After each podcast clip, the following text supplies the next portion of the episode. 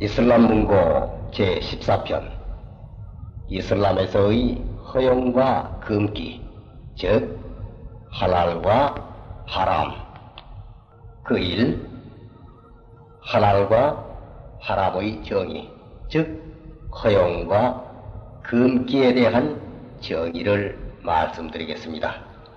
이 할랄은 금지된 것이 아닌 허용될 수 있는 행위를 말합니다. 즉, 하나님께서 금지하지 않고 허락에 놓은 행위를 할랄이라고 합니다. 아, 다음 하람은 하나님께서 엄중히 금한 행위로서 이를 어기면 내세에서 영원한 벌을 받을 것이며 현세에서도 심판을 받게 됩니다. 아, 다음은 막루로 혐오스러운 괘씸한 행위를 말합니다. 이는 금지된 행위지만은 그 정도가 하람만큼 일은 않습니다. 따라서 그 벌도 하람보다는 가볍습니다. 그러나 이를 분별 없이 되풀이한다면 하람을 범하는 셈이 되는 것입니다. 아, 다음은 할랄과 하람의 개요를 말씀드리기로 하겠습니다. 성 꾸란이나 순나 사또 무함맛 살랄라후 알리 와살람의 전통에 금지된 사항을 제외한 모든 행위는 옳다고 규정이 되어 있습니다. 살만 엘 화라식에서 전하시기를 우리의 예언자 무함맛 살랄라후 알라이 와살람께서 요리용 버터와 치즈 그리고 모피 제품에 관한 질문을 받고 말씀하시기를 할랄은 하느님께서 허락하신 것이며 하람은 금지하신 것이나 꾸란에 아무런 언급이 없는 사항은 모두 너희에게 허락되어 있느니라 하셨습니다. 이 하디스 규절은 엘 티무르지와 이분 마자편에 기록되어 있습니다.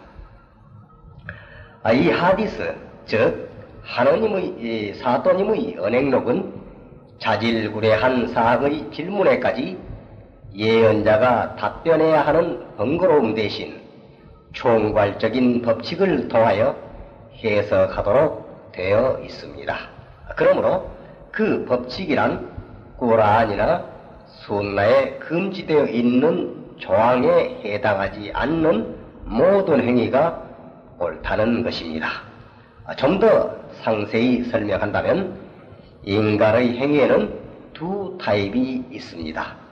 그 첫째가 신앙의 완성을 위한 종교 행위이며 둘째가 현세의 삶을 의미하는 생활 행위라 볼 수 있습니다. 아, 종교적 행위, 즉 예배와 하지, 메카술레, 자카, 휘사, 그리고 싸움, 단식 등은 하느님께서 내리신 명령인 까닭에 우리는 여기에 어떠한 것도 덧붙이거나 삭감할 권리가 없습니다. 예컨대 우리는 아침 예배, 즉 화즈르 예배 때 두 라카트 이상의 절을 하지 못하며 저녁 예배, 즉 마그립 예배 때는 세 라카트만 와야 하는 것입니다. 아, 일상생활의 습관적 행위에 관하여 고란이나 순나에 명시된 금지사항이 아닌 모든 행위는 옳다고 규정되어 있습니다. 어, 다음 허락과 허락과 금기사항은 오직 하느님 홀로 행사하시는 권한이십니다. 아, 이슬람교에서 허락과 금기에 관한 권한은 하느님에게만 한정되어 있다 봅니다.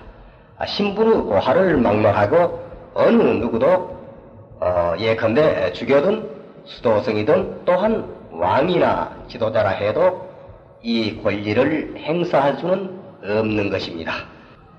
이는 꾸란 수라tul 쇼라 제21장에 저들에게 알라와 동등한 자들이 있을 수 있겠는가?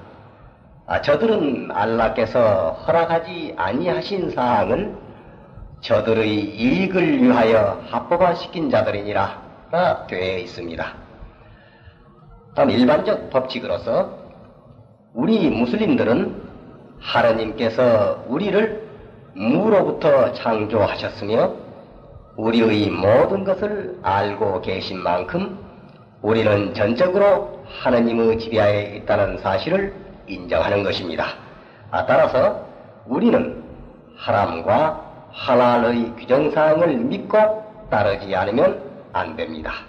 아, 설사 우리가 그 숨은 원리를 알 수 없다 할지라도 그것은 우리의 이해 능력을 초월한 것으로서 우리는 다만 그 법칙을 지켜야 하는 것입니다. 아, 명령이나 금지는 단순히 그에 대한 복종을 요하는 것일 수 있습니다. 아, 그런 만큼 하나님이 우리에게서 바라시는 것은 복종 그 자체인 것입니다. 아, 가령 당신이 어떤 회사에 고용되었다고 가정했을 때 고용주가 당신에게 그 어떤 사항에 대하여 금지령을 내렸다면 그 회사의 고용을 수락한 이상 당신은 그 명령에 복종해야만 합니다. 아, 이는 다만 설명을 위한 하나의 예일 뿐입니다. 인간에 대한 하나님의 종주권은 고용주 그것과는 차이를 논할 수 없을 정도로 지대한 것입니다. 아, 더욱이 우리는 어떤 행위의 숨은 원리를 파악할 수도 있지만은 무엇보다도 먼저 하느님께 복종하는 마음으로 일을 행해야 합니다. 또 이슬람교는 하나의 금지 사항을 규정할 때 반드시 그보다 더 나은 것을 마련해 준다는 사실을 알아야 합니다. 즉, 결혼을 허락해 놓고서 간음을 금지했으며 술을 마시지 말라 금지했는가 하면 취하지 않는 다른 음료수를 허락해 놓았습니다. 즉, 하람, 즉, 금기로 유혹하는 모든 행위 또한 하람, 즉, 금기로 되어 있습니다. 이는 이슬람교에서 정한 하나의 원칙입니다. 아, 예컨대 하나님께서 술을 금해 놓으신 이상 술을 술을 지니고 있다든가 또한 마신다든가 이를 양조 혹은 판매 술 마시는 자와 함께 있다든가 하는 모든 행위 역시 금지되어 있습니다. 또 이슬람교는 하람에 관하여 속임수를 부리는 행위를 금지했습니다. 아, 예를 들면 금지된 물건의 이름을 바꾸어서 이를 허위로 정당화하려는 행위, 즉 음주 금지 조항에 기록된 말이 포도주라고 해서 포도주를 위스키라고 부를 수는 없는 것이니까 따라서 위스키는 마셔도 된다는 식의 책략 혹은 이와 비슷하게 생각해서 리바, 즉 고리 대금이 금지되어 있지만 이자라는 말로 기록되지 않았기 때문에 이를 옳다고 받아들이는 식의 모든 속임수를 금지하고 있는 것입니다. 다음 무슬림은 금기사항, 즉 하람을 어길 우려가 있는 미신적인 행위를 피해야 합니다. 할랄이 명백하고 하람 역시 분명하지만 할랄인지 하람인지 분명치가 않는 행위도 있는 만큼 무슬림은 여기에 주의를 해야 하는 것입니다. 아, 자기가 하는 행위의 확신을 못 가질 바에야 아예 그 행동을 피하는 것이 상책입니다. 아, 왜냐하면 아, 이렇게 함으로써 하람을 범하는 일이 없기 때문입니다. 또 하람은 이슬람교를 믿는 모든 사람에게 해당이 됩니다. 연영과 지위, 신분과 재산의 고하를 따지지 않으며 나아가서 우리 모두가 평등한 만큼 누구나 이를 어기면 똑같이 벌을 받습니다. 만일 차별이 있다면 그것은 믿음에 의한 차별이지 피부색의 흑백에 따른 차별은 아닌 것이기 때문입니다. 아, 이상의 설명은 하랄과 하람에 관한 개요를 설명드린 것입니다. 아, 다음은 세 번째로 음식과 주류에 관한 하람과 하랄에 대해서 말씀을 드리기로 하겠습니다. 아, 예부터 식생활, 특히 동물성 식품에 있어서는 국가와 민족에 따라 먹을 수 있는 것과 먹을 수 없는 것을 달리합니다. 식물성 식품에 관하여서는 지금껏 아무런 논란이 없습니다. 이슬람교는 채식에 관한 한 술로 변형되지 않는 것이라면 포도로 만들었거나 대추, 보리, 기타 어떠한 농작물로 제조되어도 이를 금하지 않았습니다. 아, 또한 이슬람교는 마비 상태나 무기력을 일으키는 음식은 무엇이든 금지해 놓았습니다. 이슬람교에서는 토착적인 음식도 그것이 좋은 음식이라면 모두 허락되어 있습니다. 아, 이슬람교가 창시되었을 때 유태교인과 기독교인 그리고 이슬람교 이전의 아랍인들 간의 동물성 식품에 관한 논란이 벌어졌습니다. 아, 이에 이슬람교는 금지 분목을 확정해 놓기를 죽은 고기와 피 그리고 돼지고기와 알라의 이름으로 잡지 아니한 동물은 모두 허용되지 않는다고 규정하고 있습니다. 아, 그러나 불가항력의 경우에는 이것들이 허용될 수 있다는 점 역시 밝히고 있는 것입니다. 즉, 구란 1장 172절과 173절에 위 네 가지는 일반적인 금기 사항인데 마이다 마이다의 장에 다시 세목별로 상술되어 있습니다.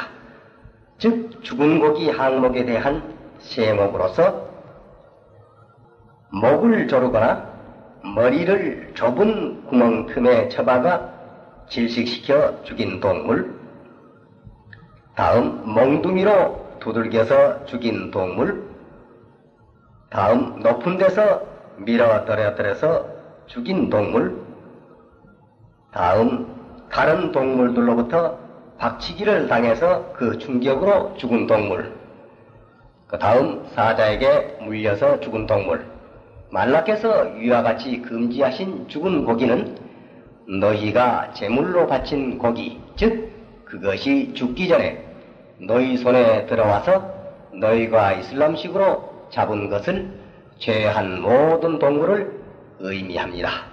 마지막으로 알라께서는 다음 사항을 우리들에게 밝히고 있는 것입니다. 우상에게 제물로 바쳐진 동물, 즉 동상이나 돌 같은 것을 어, 숭배할 때 바쳤던 재물을 말합니다. 아, 이런 것은 전부가 다 하람으로 되어 있습니다. 즉 금기로 되어 있습니다. 아, 생선류와 메뚜기류는 죽은 동물의 품목에서 제외되어 있으며 이는 바다에 서식하는 동물 전반에 해당이 됩니다.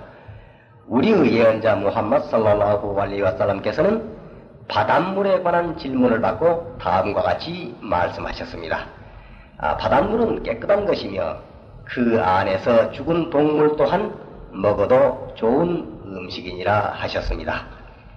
메뚜기류는 해양 동물과 비슷한 것으로 취급됩니다. 또한 누구든지 굶주렸거나 하루 또는 그 이상을 먹지 못하고 있을 경우에는 이를 불가항력으로 간주하여 아무 고기나 먹을 수 있도록 되어 있습니다. 아, 정당하게 먹을 수 있는 동물은 해양 동물은 모두 정당하게 먹을 수 있습니다. 아, 동물에는 육지의 것과 바다의 것이 있습니다.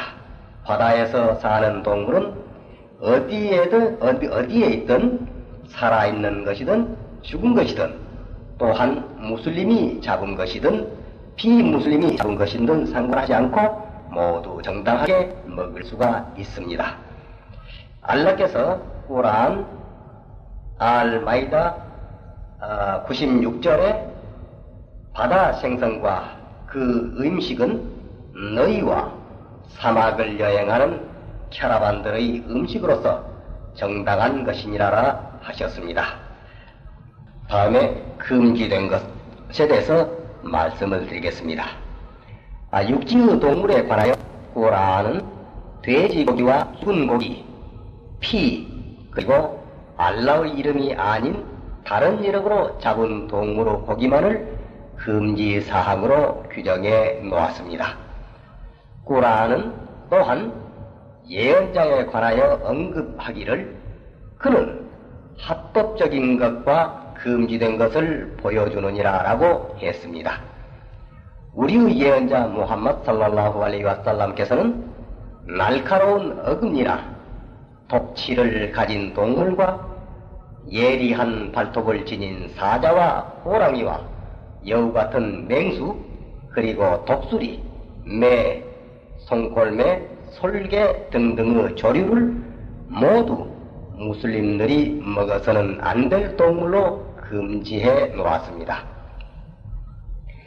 낙타와 소, 양, 닭 등의 가축류는 조건부를 달아서 정당하게 먹을 수 있도록 정했습니다. 가축류 살생에 관한 조건을 보면 첫째, 가축을 잡을 때에는 설사 나무 칼이든 돌 칼이든 간에 매우 예리한 도구로서 목의 정맥으로부터 단번에 피가 나오도록 잘라서 죽여야 한다는 것입니다. 둘째 번은 목을 자를 때는 목의 앞부분인 인후에다 칼을 정확히 그리고 깊숙이 찔러서 단번에 죽여야 합니다.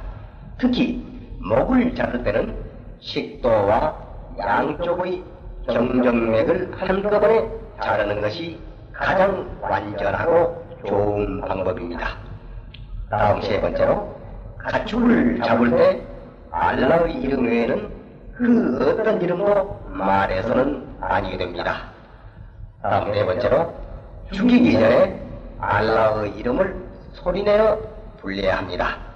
즉 아랍어로 비스밀라히 알라후 아크버라고 소리낸 후 도사해야 하는 것입니다. 아, 예언자께서 말씀하시되 알라의 이름으로 죽이거나 피 흘리게 한 동물은 무엇이든지 먹을 수 있느니라 하셨습니다. 아, 정당하게 먹을 수 있도록 하는 데 있어서 이러한 방법을 쓰는 그 숨은 뜻은 동물을 최단 시간에 고통 없이 죽도록 하기 위함입니다. 다음에 사냥에 대해서 말씀을 드리겠습니다. 이 동물과 조류 중에는 그 맛이 매우 좋지만 인간의 손이 미치지 못하거나 쉽사리 잡을 수 없는 것이 많이 있습니다.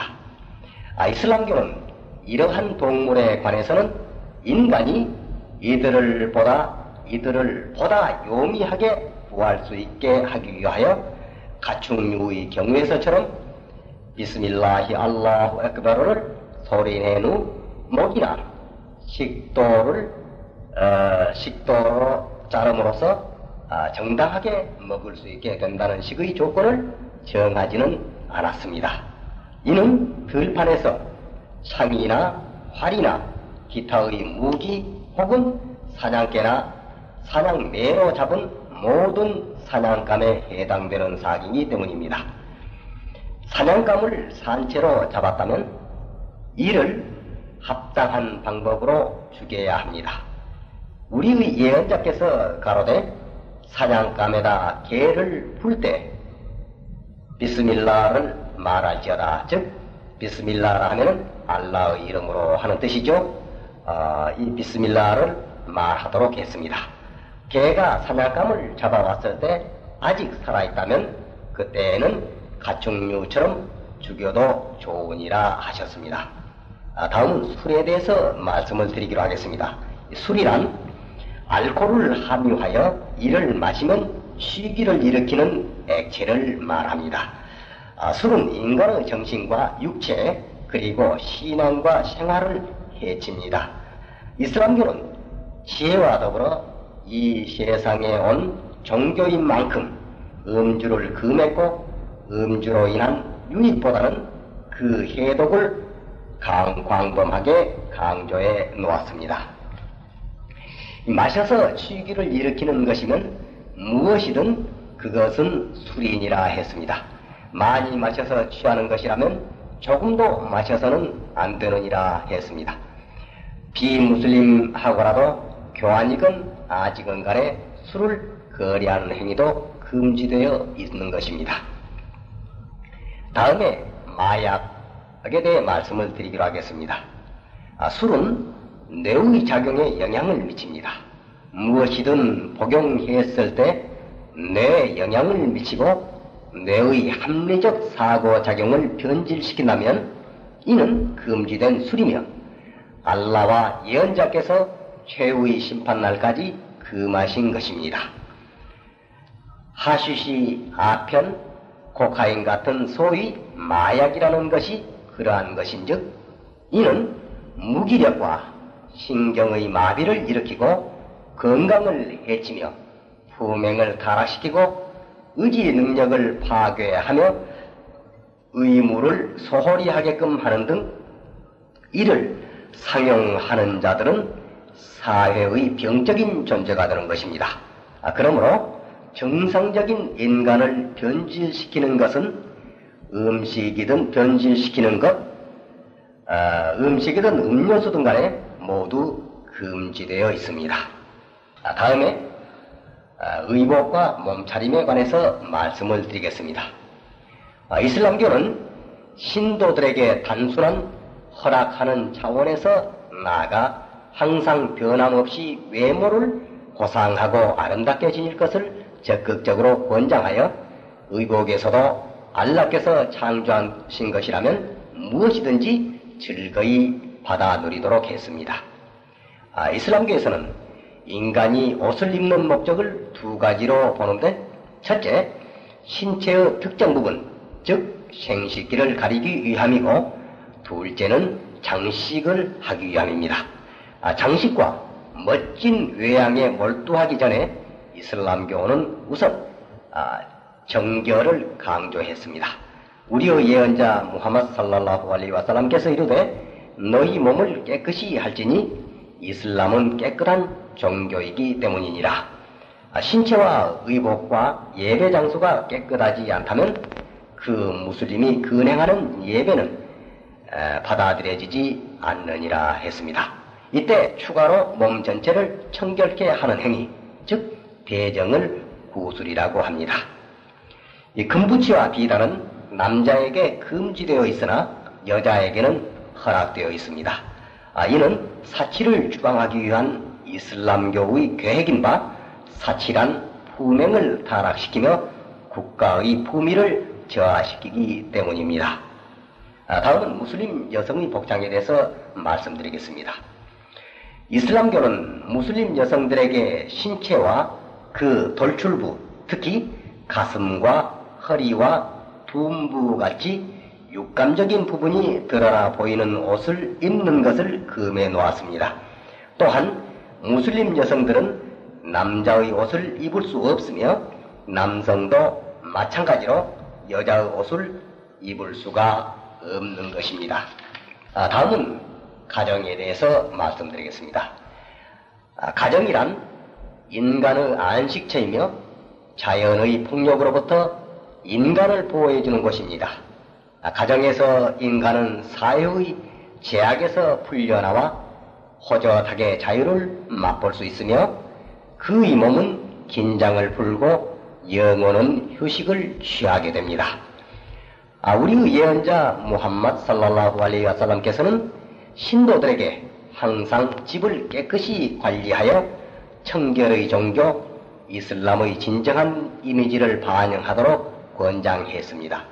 아, 청결은 무슬림을 다른 종교인들과 구별 짓게 하는 하나의 특성인 바 신들이 더러움을 좋아한다고 믿는 다신교가 있기도 했습니다. 아, 예언자께서 이르시길 알라는 착하시니 그는 착한 것을 좋아하심이니라. 알라께서는 깨끗하시니 깨끗함을 좋아하심이니라. 알라께서는 너그러우시니 너그러운 자를 좋아하심이니라. 또한 알라께서는 훌륭하시니 훌륭함을 좋아하심이니라. 아, 그런즉 너희가 사는 곳을 깨끗이 하라. 그리고 유태인들처럼 살지 말지어다라고 하셨습니다. 무슬림이 자기의 집을 장식하고 집과 의복과 신발 또는 자기와 연관되는 기타의 것을 아름답게 꾸미는 행위에는 아무런 지장이 없으니 다만 그렇게 하면서 남에게 도도하게 군다든지 남을 비방하지 않아야 합니다. 이슬람교에서 인간이나 동물의 형상을 한 조각품이나 초상화를 금지한 이유는 인간이란 자기가 몹시 좋아하는 사람이나 성인들의 상을 만들고는 시간이 흐름에 따라 이를 신성화하여 마침내는 이를 우상으로 숭배하게 될 가능성을 갖고 있기 때문입니다. 그렇게까지는 안 될지라도 이러한 조상들을 만든다는 것은 사치의 한 요소인 것입니다. 혹성, 나무, 바다, 배, 산, 태양, 달, 별에 관한 평범한 그림, 그리고 초목이나 무생물의 그림 같은 것에 관해서는 이를 사진을 찍거나 그리는 행위 혹은 이를 소유하는 행위에도 아무런 죄가 없습니다. 또한 이슬람교는 아무런 목적도 필요도 없이 개를 집안에다 두는 것을 금했습니다.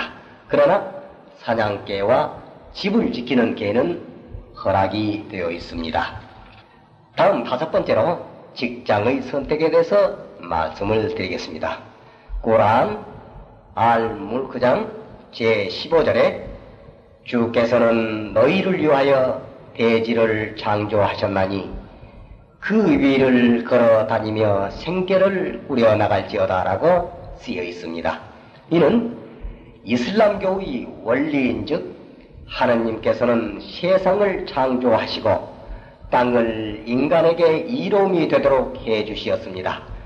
무슨 이유에서든 심지어 기도와 예배가 모두 나는 구실에서라도 게으름에 빠진다거나 생계 유지를 위한 일을 그만두는 행위는 무슬림에게 하람으로 되어 있습니다. 즉 금기로 되어 있습니다. 하늘에서 금은 보화가 무심코 떨어질 일은 만무한 것입니다. 인간의 존엄성이란 노동을 하는 데 있습니다. 무슬림은 농업이나 상거래 혹은 공업 등을 통하여 생계를 유지해야 하되 어떠한 직업이라도 금지된 사항을 다룬다거나 금지된 사항에 조력한다거나 그것과 관련 지워진 직업만 아니면 되는 것입니다. 이는 무슬림 사회의 신앙과 품행 그리고 명예와 가치 기준에 해를 끼치는 직업들로부터 무슬림들을 보호할 목적으로 금지시킨 직업과 일은 다음과 같습니다. 매음, 매음, 춤, 섹스에 관한 그림, 조각, 주류, 양족 등입니다. 이슬람교는 상업이나 사업에서 사기라든가 부정행위, 독점 또는 금지된 것을 선전하는 일만 아니면 무엇이나 허락하고 있습니다.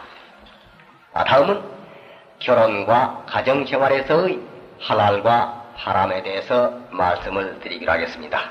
하느님은 인간의 육신에다 본능과 심리적 동기의 부분을 어, 허다히 마련해 놓았습니다. 이러한 본능 중에서 음식을 찾는 본능은 굶주림을 채우고 생존을 유지하기 위한 것이며 성적 본능은 그 종족을 보존하기 위한 것입니다. 아, 성적 본능에 관한 인간의 마음가짐은 다음 셋 중 그 하나일 것입니다. 아, 첫째, 본능을 자유로이 풀어서 어느 부분에서 어떻게 욕구하는가를 알아보는 태도요.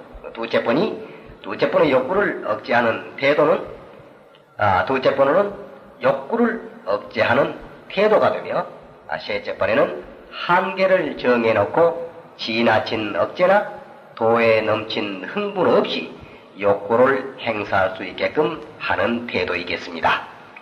다음 이슬람교에서 금지된 사항은 이 난 모르는 여자와의 은둔 생활, 색정적으로 상대방을 바라보는 것, 즉 신체의 특정한 부분, 즉 생식기 근방을 보는 것, 또 남자 몸의 특정 부분은 배꼽과 두 무릎 사이에 있는 것을 의미하며 여자에게 있어서는 여자가 화장한 얼굴을 타인에게 드러내 보이지 않는 상태에서 얼굴과 손을 제외한 신체의 모든 부분이 섹스의 대상이 되는 것입니다. 아, 이슬람교는 성적 욕망을 어떻게 다스렸으며 가능과 간음으로 이끄는 수단이 언제 어떻게 금지되었는가 하는 문제가 남아있는 것입니다. 아, 이슬람교는 또한 동성연애도 금지해 놓았습니다. 아, 다음 결혼에 관해서 말씀을 드리겠습니다. 이슬람교에서 결혼이란 확고한 결합이며 굳센 계약으로서 꾸란에서 말하는 평화, 우호, 자비, 그리고 번영을 그 정신적 결실로서 실현하기 위하여 서로의 마음속에서 영원히 맺혀지고 싶어 하는 희망이 그 근간을 이루는 것입니다. 아, 무슬림은 결혼 능력이 있는 이상 어떠한 이유에서도 결혼을 기피할 수 없으며 설사 하나님을 경배하는 일에 자신을 송두리째 바치고 싶다는 구실하에서도 결혼을 회피할 수는 없는 것입니다. 아, 우리의 예언자 무함마드 살랄라후 알레이 와살람께서는 젊은이들에게 충고하여 이르되 너희 젊은이들아 혼인 지창금이 있는 자는 누구나 결혼을 해야 하나니 결혼은 너희들을 성숙해 하고 너희들의 생식기를 보다 잘 보호하기 때문이니라 하셨습니다. 무슬림은 마음먹은 여자와 결혼하기 전에 미리 대면하여 실수라든가 문제점들을 사전에 방지해야 합니다. 아, 무슬림은 이혼했거나 과부가 되어서 아직 법적 규제 기간에 있는 여자에게 청혼해서는 아니 됩니다. 아, 또한 형이 이미 청혼한 여자 역시 안 되는 이유는 형제 간의 우애와 사랑을 유지하기 위하여 우선적으로 청혼한 자에게 권리가 부여되는 까닭입니다. 아, 그러나 먼저 청혼했던 자가 이를 초래했을 경우에는 아, 결혼을 해도 무방한 것입니다. 이 청혼 후 수락 여부는 1차적으로 여자에게 달려 있습니다. 아, 여자의 아버지나 후견인은 당사자의 의사를 무시할 수 없으며 당사자의 만족을 고려하지 않으면 아니 됩니다. 아, 다음에 열거하는 여자들과의 결혼은 엄금되어 있습니다. 아, 첫째, 아버지의 과부, 즉 과부가 된 계모. 둘째, 어머니 또는 할머니. 셋째, 딸 또는 손녀. 넷째, 여자 형제. 다섯째, 아버지의 여자 형제, 즉 고모. 여섯째, 어머니의 여자 형제, 즉 이모. 일곱째, 형의 딸들, 즉 진려. 여덟째, 누이의 딸들과는 결혼을 할 수가 없는 것입니다. 또한 수양 가족과의 결혼 금지 사항으로서는 아홉째 무슬림과 그의 양 어머니와의 결혼은 금지되어 있습니다. 그다음에 열 번째 수양 자매는 양 어머니와 비슷하므로 그들과는 결혼할 수가 없는 것입니다. 아, 우리의 예언자께서 이르되 수양 가족과의 결혼이 금지된 것은 혈족 결혼이 금지된 것과 같으니라 하셨습니다. 다음 혼인으로 맺어진 인척과의 결혼 금지 사항은 열한 번째가 되겠습니다. 장모 남자에게 장모란 어머니와 같은 존재가 됩니다. 열두 번째 의부 딸 즉 아내의 전 남편 소생의 딸. 그 다음에 열세 번째 며느리 이슬람교는 양자 제도를 폐지했기 때문에 며느리는 양자가 아닌 친자식의 아내를 말합니다. 그 다음에 열네 번째, 한꺼번에 두 자매와 결혼하는 것. 이는 꾸란에 명시되어 있으며 예언자도 덧붙여 말했습니다. 한 여자와 그녀의 고모를 또한 한 여자와 그녀의 이모를 결혼을 통해 한꺼번에 관계를 맺을 수는 없는 것이다 라고. 열다섯 번째, 아직도 결혼에 얽매인 기혼 여자. 아, 다음의 두 가지 조건 하에서만 여자는 새로운 남편의 아내가 될 수가 있습니다. 그 첫째가 이혼이나 남편의 죽음으로 결혼 관계가 취소된 경우와 두 번째, 꾸란이 명하는 바에 따라 전 남편에 대한 애도를 표시하는 태도로서 근신 기간을 완전히 끝낸 여자. 이 근신 기간은 임신한 여자의 경우는 해산 때까지며 과부에게는 4개월 10주야가 됩니다. 아, 이혼한 여자는 세 차례의 월경 주기 동안 근신 기간을 보아야 합니다. 보내야 합니다. 아, 이는 젊은 여자에게 해당하는 것이며 폐경이 지난 늙은 여자의 경우는 근신 기간은 석 달 동안인 것입니다. 16번째, 이교도. 무슬림은 우상을 숭배하는 이단자와 결혼할 수가 없습니다. 어, 꾸란은 기독교인이나 유대교인들의 종교가 빗나가고 변질되긴 했지만은 그들이 하느님의 백성이었다는 사실을 특별히 감안하여 무슬림과 그들 간의 결혼을 허락했습니다. 다음은 여섯 번째로 이슬람의 아, 다처관에 대해서 말씀을 드리겠습니다. 아, 이슬람교는 인간이 지닌 탁월한 품성에 가장 긴밀히 상응하는 종교입니다. 이 종교는 현실과 타협하고 대처하여서 현실을 순화, 정제하고 현실을 낭비하거나 오용하는 것을 방지해 줍니다. 아, 이 같은 사실은 한 명 이상의 여자와 결혼할 수 있는 이슬람법에 분명히 표현이 되어 있습니다.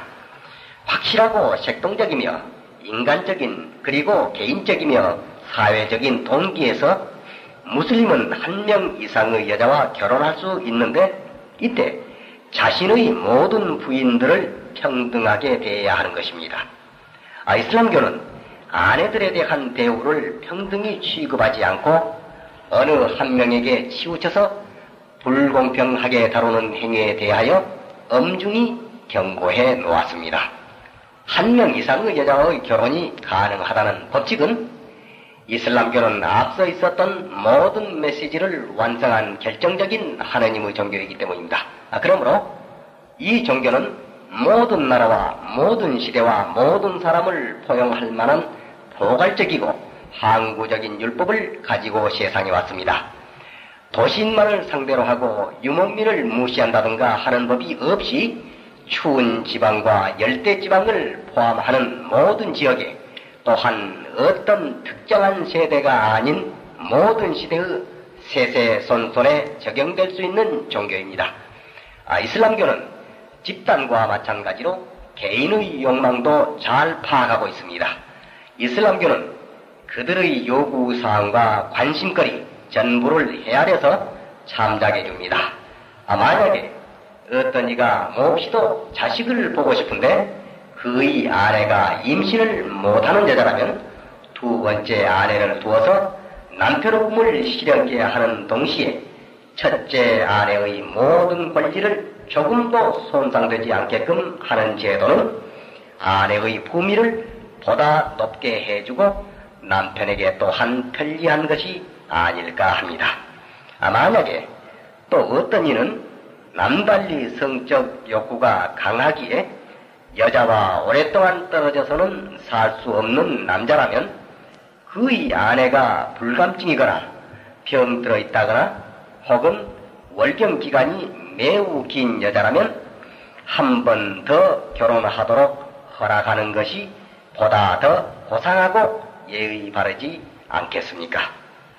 아, 인구조사 결과 특히 전후의 상당수의 남자와 청년들이 전쟁에서 죽은 후에 여자의 수가 남자보다 훨씬 많다면 여자가 노처녀로 늙어가며 결혼 생활과 그 행복과 보호와 사랑과 모성을 모르고 사느니 차라리 두 번째 혹은 세 번째 아내로 결혼하는 것이 여자 자신을 위해서나 사회를 위해서나 이익이 될 것입니다.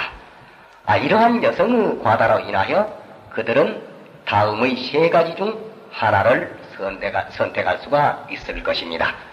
그 첫째, 남은 인생을 준엄하게 내하면서 사는 길과 두 번째, 속박을 멋대로 박차버리고는 매음 생활을 하여 남자의 그릇된 행위의 대상이 되며 이슬람의 금기를 행하는 비참한 존재가 되는 길. 세 번째, 이미 아내를 한 명 또는 두세 명 거느렸지만은 자기를 부양할 수 있는 남자와 결혼하는 길이 있겠습니다.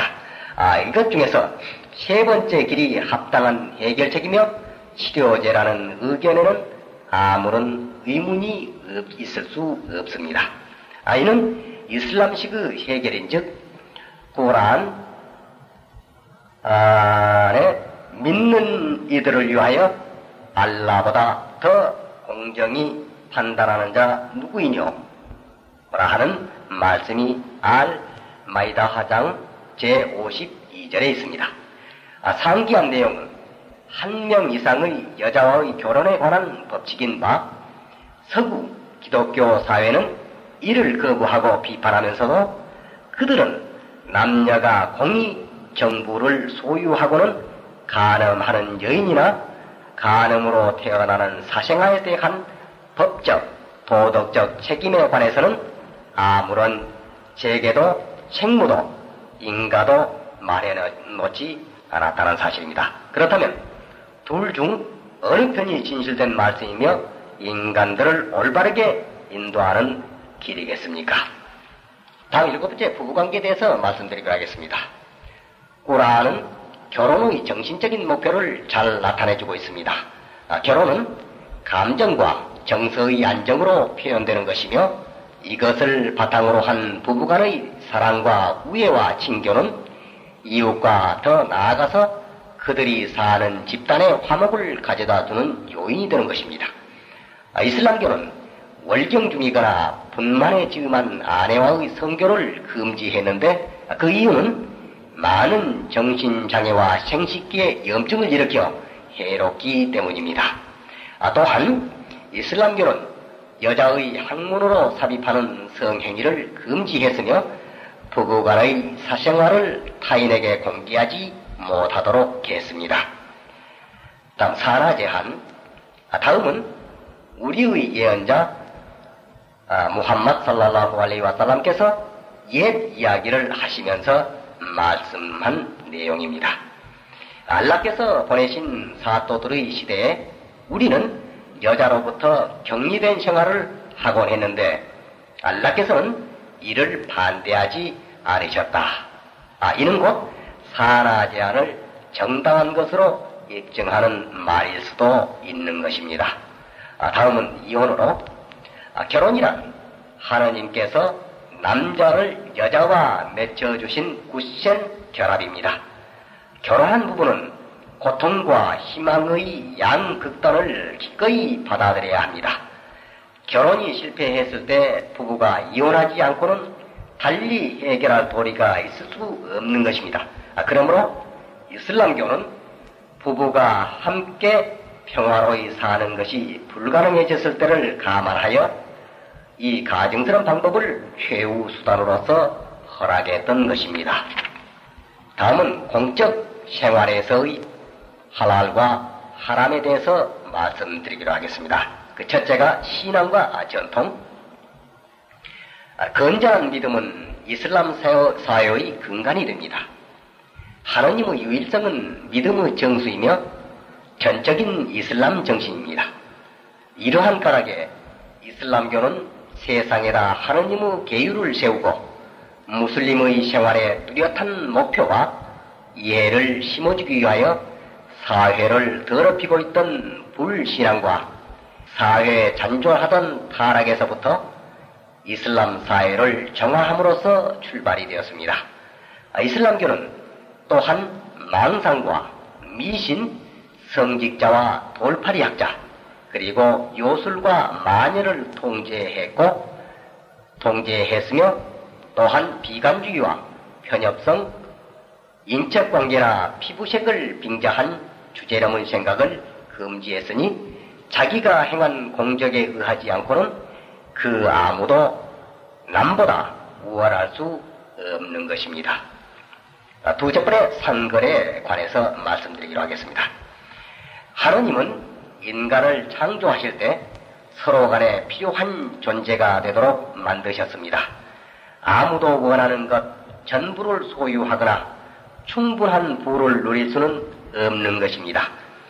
우리의 예언자께서 이슬람의 메시지를 갖고 세상에 왔을 때 사람들은 다양한 매매 거래와 물물 교환을 하고 있었습니다.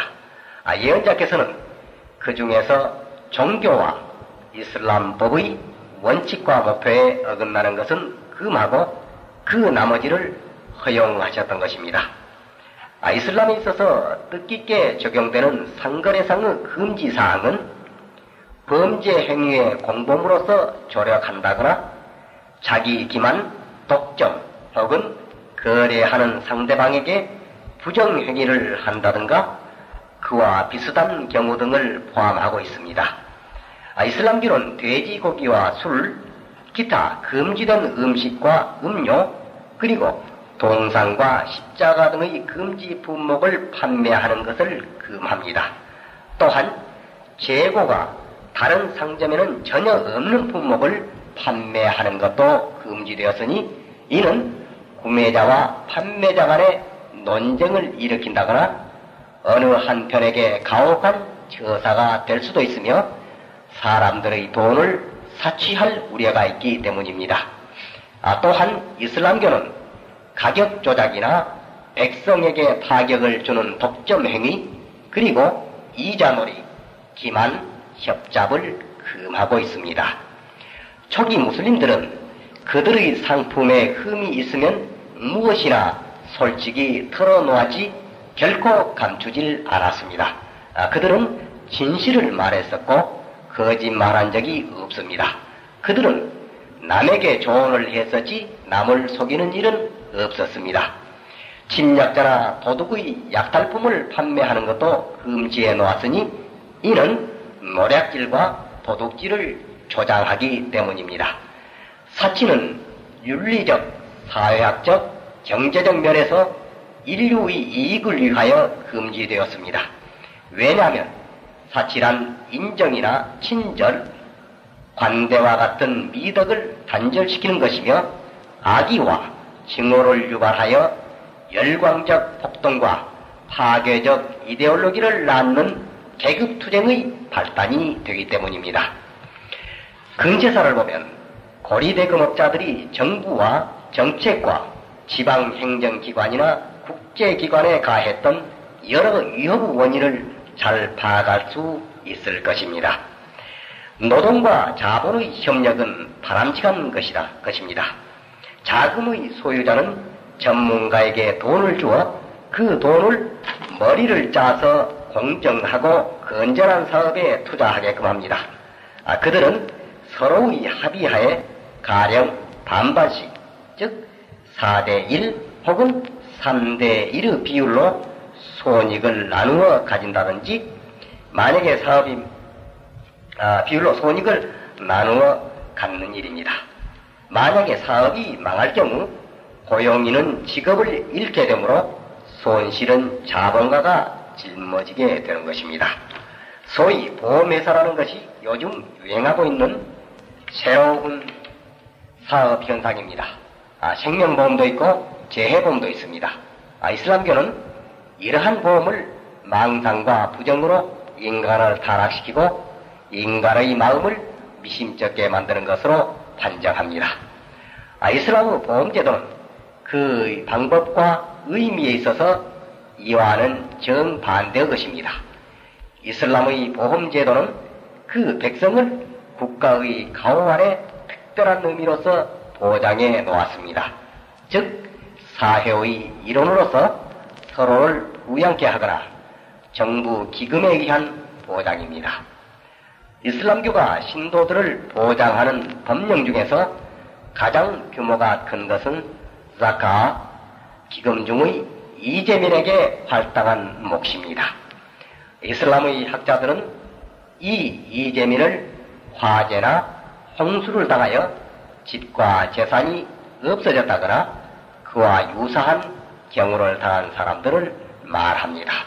자, 이상으로 어, 이슬람고 제14편 이슬람에서의 허용과 금기 즉 하랄과 하람을 전부 마치기로 하겠습니다. 감사합니다. 알함두릴라.